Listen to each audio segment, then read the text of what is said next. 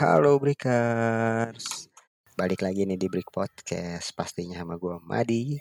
Dan gue juga Oke Asik. Keren ya pembukaan gue ya Udah kayak orang radio. Gak ada pembukaan orang radio cuman Hai. Ya kita Madi dan Uki. Gak ada segmennya loh Iya Mirip-miripin lah dikit lah. Lo mau gue suruh lagi gak nih? Biar kita ulang lagi nih Ya udah lanjut ya. Lanjut lah. Apa kabar nih Ki? Sebelum masuk nih Ki. Kabar gue capek cuy. Gue dari kemarin kerjanya begadang mulu. Gue juga gak ngerti kenapa. Ada le Eh lebak Gue mau ngomong lebaran. Lebaran? Masih jauh bu. Lebaran bu. Maksud gue tuh liburan. Lebaran Kayak gue udah pengen makan opor ayam gitu deh Aduh Kebanyakan pikiran nih Oke nih. Kayaknya. Editing, editing, editing, editing, editing. Deadline deadline deadline. Bener. Oh, apa kabar nih by the way? Eh. Gua? Mm-mm. Ngap nih. Ngap. Kebanyakan makan tadi Oh ya Allah. Sebelum Aduh. Lo makan apa aja? Boleh nih buat ide gue ntar makan makan nasi, makan somai dalam waktu satu jam yang bersamaan. Oh, gue kira lo makan nasi pakai somai Ya enggak lah. Openingnya ngelama ya nih kita nih Wah, ngomongin makanan. Gue jadi lapar Ayo, ayo kita masuk aja ke temanya nih. Kita mau ngomongin apa nih? Apa emang? Masih ngebahas yang kemarin ya. Ke mana nih? Yang kemarin, oh, quarter life crisis. Kita masih punya utang tiga nih. Apa aja nih yang mau kita bahas hari ini? Iya kan kemarin kita udah bahas enam tuh. Mm-mm. Ada ada pendidikan, ada Mm-mm. karir, Mm-mm. terus ada tujuan hidup juga, ada pertemanan, ada progres hidup teman sebaya sama jodoh kan. Oke Kita sekarang mau bahas kemandirian finansial, terus ekspektasi orang tua, sama rethinking faith. Bener nggak? Bener nggak? Omong gua apa? Vokabulari gua. Rethinking Wait Maklum bu, nggak bisa bahasa Inggris saya. Belajar Yaudah nih kita bahas kemandirian finansial nih. Ini Aduh Bahas duit ya Cuan cuan cuan cuan cuan cuan cuan cuan cuan cuan. Satu ngobrol Apa Satu pemikiran lagi ya Cuan cuan cuan cuan Tuan crab. Uang uang uang uang uang Uang Canda mulu anjir Episode kali ini kayak banyak bercanda aja nih. Gak apa-apa lah ya. Lanjut kemandirian finansial Kenapa nih? Kayak di kemandirian finansial ini kan apa ya? Jadi isu yang bikin kita tuh cukup sensitif Nah, karena usia kita nih udah udah apa ya? Udah dewasa gitu. Anjay Udah udah selayaknya hidup mandiri. Apalagi di umur kita sekarang gitu kan Hmm, 20-an ya butuh banyak pengeluaran, tapi kadang tidak sebanding dengan pemasukan. Gue kayak Bener-bener yang bener lagi Dang it Nah dari lu sendiri nih Mm-mm. apa ya? eh, kemandirian finansial ini jadi se jadi tolak ukur nggak sih buat lu mengukur kesuksesan gitu? Buat gue iya Hmm, kenapa? sebenarnya agak salah sih karena gue masalah finansial ini gue masa ngebandinginnya sama orang tua gue Hmm, padahal kan eh, mereka udah bekerja selama puluhan tahun ya sedangkan Mm-mm. gue baru lulus kuliah Sal- kesalahannya gue itu adalah ngebandingin eh, finansialnya gue dengan orang tua gue di mana orang tua gue pasti udah punya eh, banyak pengalaman udah punya jenjang karir yang bagus gitu kan. Dan udah stabil gitu ya benar. keuangan. sedangkan gue kan masih mencari ya. Gue masih Hmm, mencari kerjaan juga gue masih hmm, melakukan banyak banget hal. Banyak banget kegagalan nih sekarang yang yang hmm. datang ke gue. Itu kesalahannya gue sih. Karena ya namanya juga anak ya pasti kan pengen Iya benar. memberikan sama dengan apa yang orang tua kasih kita kalau bisa lebih ya bersyukur Berarti eh, bagi lu itu eee, dengan di umur lu segini udah bisa mandiri secara finansial itu jadi apa ya, prestisius lu sendiri gitu. Bener. Sebenarnya gue Mmm. mikirnya gini, untuk sekarang ini yang penting gimana caranya gue bisa dapet uang, yang penting gue lepas dulu nih dari orang tua. Kayak at least orang tua Mmm. harus ngasihin gue uang jajan gitu. Dan kalau lu gimana nih masalah finansial ini? Kemandirian finansial ya?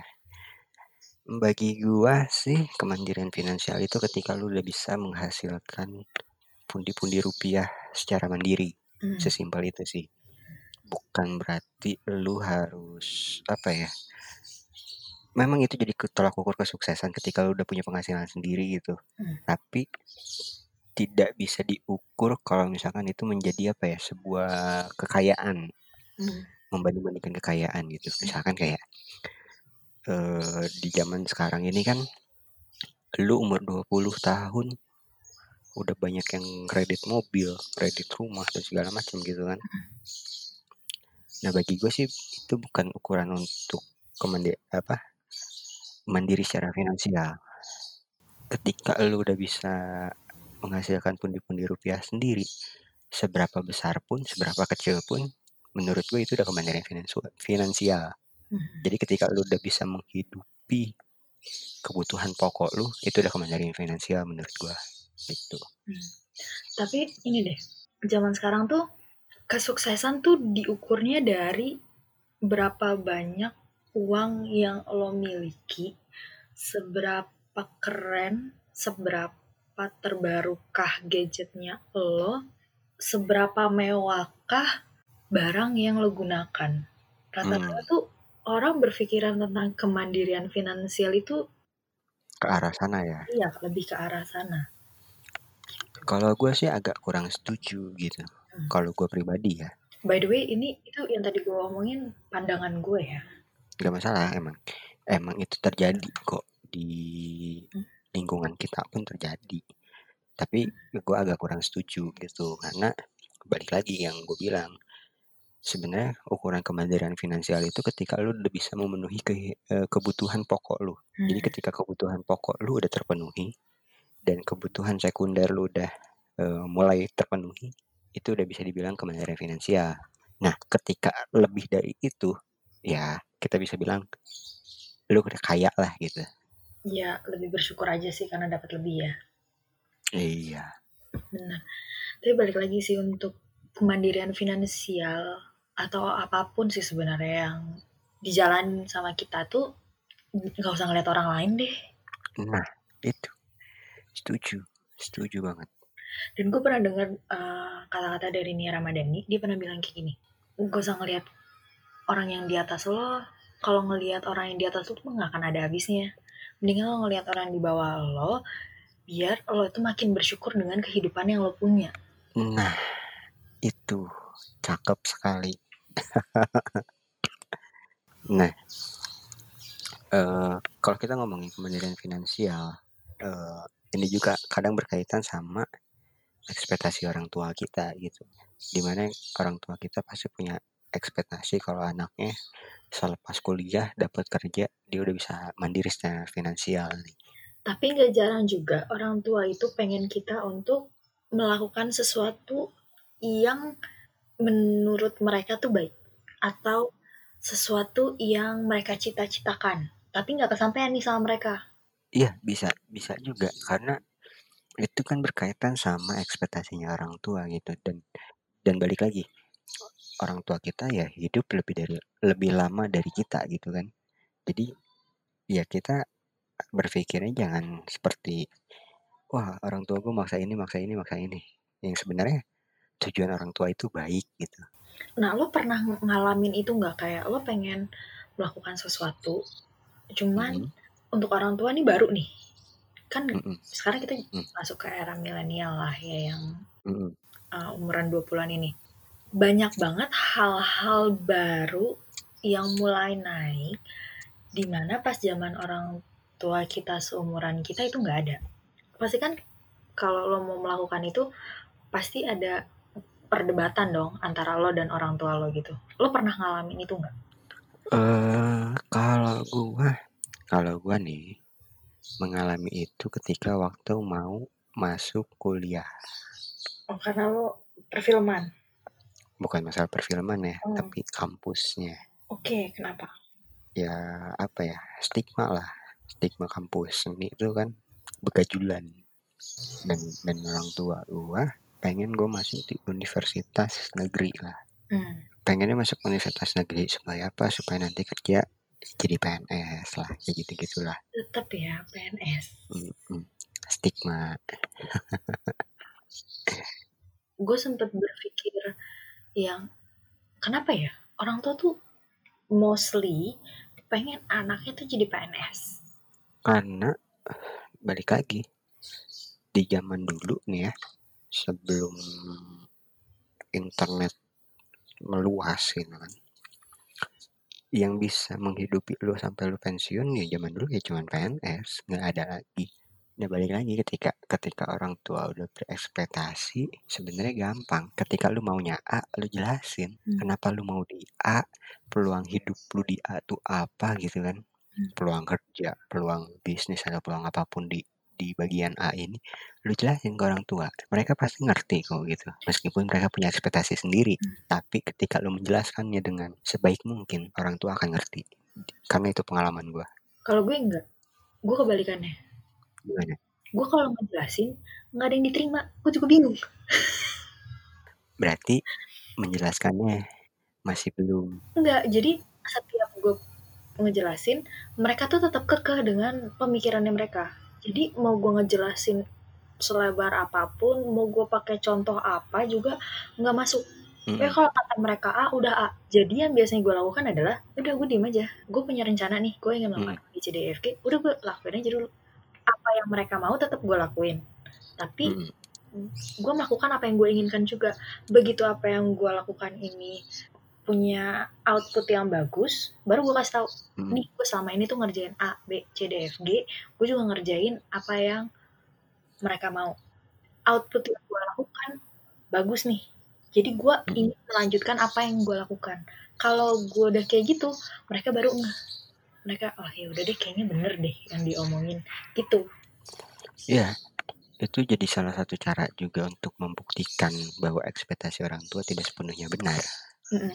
Jadi emang dealing dengan ekspektasi orang tua tuh Berat dan banyak cara. yang pasti adalah lo harus tahu dulu apa yang lo inginkan. Dan balik lagi, nggak semua omongan orang tua lo tuh salah. Iya, Jadi Setuju. emang harus dipilih lagi, dipertimbangkan lagi, dan yang pasti, kalaupun lo ingin melakukan yang lo mau, jalanin aja dulu. Nah, eh, ketika udah udah udah mulai dealing ya Hmm. dengan ekspektasi orang tua dan lu udah menjalankan apa yang lu mau, kadang ada pemikiran kita juga nih. Apa apa kita udah mempercayai hal yang benar gitu. Nah, ini kita masuk ke rethinking faith nih ya tentang kepercayaan. Tapi sebenarnya ini gue mau masuk dari kepercayaan kita eh, terhadap apa yang kita lakuin untuk melawan ekspektasi orang tua gitu. Kepercayaan akan diri kita sendiri.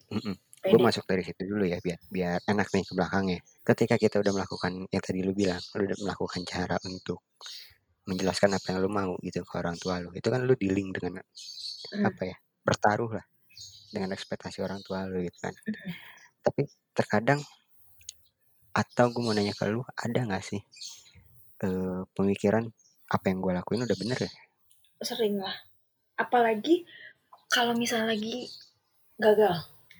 Pokoknya kalau misalnya gagal tuh kayaknya overthinkingnya gue tuh masuk banget deh. Tapi kayak pernah lu ini gak sih? Ketika lu overthinking separah itu, lu sampai mempertanyakan, kenapa ya Tuhan kok tidak membantu gua gitu? Gak boleh sih sebenarnya. Iya. Tapi menurut gua cukup wajar eh, di umur kita yang sekarang gitu, di quarter life kita eh, kita mempertanyakan tentang kepercayaan kita gitu. Menurut gua gak, menurut gua cukup wajar. Karena itu adalah alami dari dari alam bawah sadar lo. Mm-mm. Yang yang perlu yang perlu kita lakuin untuk apa ya? Untuk kembali percaya adalah cuma satu kuncinya sebenarnya. Bersyukur. cuman cuman bersyukur karena ketika kita bersyukur uh, kita akan lebih apa ya lebih mengerti gitu tentang hidup gue ingat satu kalimat tapi gue lupa siapa yang ngomong seingat gue Su Sujiwo Tejo kalau nggak salah uh, jadi dia bilang gini menghina Tuhan itu bukan sekedar lu membakar kitab menghina nabi bukan. Tapi dengan lu berpikir bahwa lu tidak bisa makan besok itu udah menghina Tuhan gitu. Jadi kita nih manusia nih kadang kurang bersyukur gitu sama dirinya sendiri. Justru kadang itu yang membuat kita berpikir kenapa ya Tuhan kok jahat banget sama kita? Gitu. Kita mau kerja dikasih corona. Kita mau lulus dikasih cobaan. Karena balik lagi sebenarnya kalau gue pelajarin gitu yang gue pelajarin selama ini kurang bersyukur kita. Itu. Bener. Gue tuh merasa Tuhan tuh justru baik banget sama gue. Tuhan tuh ngasih gue tuh kenikmatan yang tidak bisa lo dapatkan sebelumnya iya ataupun di depan juga bisa jadi gak gue dapetin lagi gitu loh iya kalau lu apa yang membuat lu sangat bersyukur? Kalau gua, gua mungkin sedikit cerita bagaimana uh, proses gua lulus gitu ya. Jadi karena kan cara lulus gue itu adalah dengan membuat satu karya ya. Hmm. Dan karya itu dibuat dengan berkelompok gitu. Hmm. Nah, gue tuh selalu bermasalah dengan kelompok. Bukan gue yang bermasalah, tapi ada satu orang yang selalu jadi masalah gitu di kelompok ini. Nah, ketika gue lulus akhirnya gue tahu jawabannya bahwa ya mau gak mau gue harus meninggalkan dia gitu. Hmm. Kalau gue mau lulus. Jadi di situ gue bersyukur ketika pandemi gue ditunjukin gue harus meninggalkan dia dan hmm. gue bilang sama teman-teman gue juga sama teman-teman kelompok yang yang kelompok sama gue gitu. Hmm. gimana nih? Kita mau lanjut dengan kita aja atau kita mau apalah gitu? Akhirnya ya di situ tunjukin jalannya. Ya udah kita lanjut dan akhirnya gue lulus gitu. Jadi intinya setiap masalah itu ada alasannya. Everything happen for a reason. Dan kalau kita nggak pernah melewati itu kita nggak akan jadi kita yang sekarang iya kita tidak akan jadi manusia yang bersyukur asik penutupan yang asik tapi sebelum gue menyudahin menyudahi podcast hari ini, gue mau nanya nih sama lo, hmm. seberapa ngegang mengganggu si problematika quarter life crisis ini? Hmm, kalau dibilang mengganggu, cukup mengganggu. Hmm. Karena ketika problematika problematika quarter life crisis ini muncul, kalau gue yang gue rasain, gue tidak bisa fokus ke kerjaan gue. Nah kalau lo sendiri gimana? Mengganggu nggak? Gue enggak. Enggak. Karena itu ada maksud gue itu ada di pikiran gue. Cuman hmm. nggak hmm. terlalu gue pikirin. Jadi hmm. dibandingkan gue pikirin, udah gue kerja aja dah. nah kalau gue nggak bisa tuh, karena gue kerjaan gue kan harus mikir juga. Jadi ketika pikiran gue terbagi ke mana-mana, nggak fokus. Maksud gue mikir kreatif ya. Hmm. Kerjaan gue kan mikir kreatif. Hmm dan ketika itu muncul gue nggak bisa mikir kreatif gitu pikiran kreatif gue jadi apa ya bukan bukan gak ada tapi berkurang gitu hmm. by the way mbak ini punya tips nggak untuk menghadapi quarter life crisis siapa tahu breaker yang di luar sana kayak bagaimana ya untuk mengurangi pemikiran-pemikiran itu nah tipsnya ya ada beberapa tips nih yang pertama sih, yang paling penting ya ketika lu masuk umur 20 ke 30 gitu kan. Dan ketika lu mulai menghadapi masalah quarter life crisis, yang paling penting adalah lu harus kenal diri lu sendiri. Lu harus kenal kekurangan dan kelebihan lu itu apa gitu. Dan jangan sampai pas lu lagi mencari kekurangan sama kelebihan, lu tuh denial. Iya. Biasanya kekurangan tuh, denial. Enggak, gini. Enggak, gue gak gitu. Masih sering terjadi gitu. Temanya dulu pada hama. Iya. Nah yang berikutnya ketika lu punya masalah, jangan pernah dipendam gitu. Kalau lo emang butuh bantuan orang, ya cari. Kadang ya, suka ada kode-kodean. ya udah lah ya. Yang penting intinya kita tuh nggak bisa hidup tanpa bantuan orang lain. Jadi kalau lu punya masalah, lu punya problem, cari temen lu karena lu butuh bantuan orang lain. Gitu. Dan yang ketiga nih, yang penting lu jangan membandingkan diri lu sama orang lain. Bener. Karena semakin lu membandingkan diri lu dengan orang lain, semakin stres. Nah, biar biar lu tidak insecure, wah, apalagi terutama sama apa ya, sama hidup orang kok yang enak banget gitu. Nah, tips yang berikutnya nih, lo harus bikin rencana hidup. Hmm. Mungkin buat satu tahun ke depan, lima tahun ke depan, sepuluh tahun ke depan, atau untuk masa tua lo. Yang penting bikin rencana hidup sebaik mungkin. Ini tuh ngebantu juga biar kita fokus dengan diri kita. Iya. Dan tadi ketika lu udah ada kalau lu punya masalah gitu kan, jangan mendem. Selain lu mencari solusi, tapi juga lu harus apa ya, meluangkan waktu lu gitu. Mungkin salah satu caranya nih bisa lu mencari hobi gitu.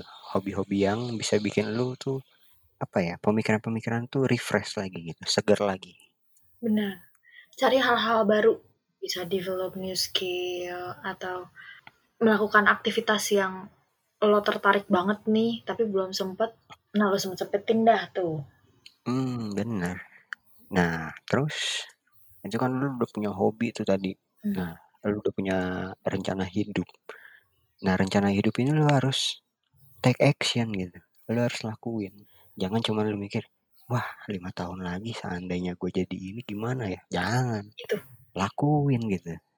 Kayak film aja kan, kalau nggak di action, nggak akan jadi tuh film. Istirahat mulu dong. iya. Nah, tapi kalau misalnya lu action juga nih, lu harus tetap kontrol ekspektasi lu. Don't be so hard on yourself gitu kan. Jangan buru-buru mengejar kesempurnaan hidup. Bener. Hidup tuh gak ada yang sempurna. Benar. Dan ketika lu gagal atau lu sukses, jangan lupa bersyukur. Bener. Itu tadi tips dari gue Ki. Yang penting nih ya, yang Hmm. penting nih, ketika quarter life crisis itu datang, nggak perlu kita apa ya mengutuk permasalahan permasalahan si quarter life crisis ini. Mhm. Tapi kita nih harus fokus sama hal-hal yang bisa bikin potensi kita nih, potensi-potensi baik kita gitu. Itu harus dikeluarin gitu. Fokus mengeluarkan itu. Yang penting nih ya, dalam hidup tuh bahagia. Dan Hmm. kalau kata Anji, jangan lupa senyum hari ini. Asik. Jangan lupa bahagia. Udahlah. Kita tutup aja podcast hari ini ya. Thank you buat teman-teman yang udah dengerin kita. Terima kasih Breakers. Iya. Tapi jangan lupa nih, udah dengerin, follow juga IG dan Twitter kita di break.podcast. Podcast. Oke, mari di check out. Oke, check out. Bye-bye.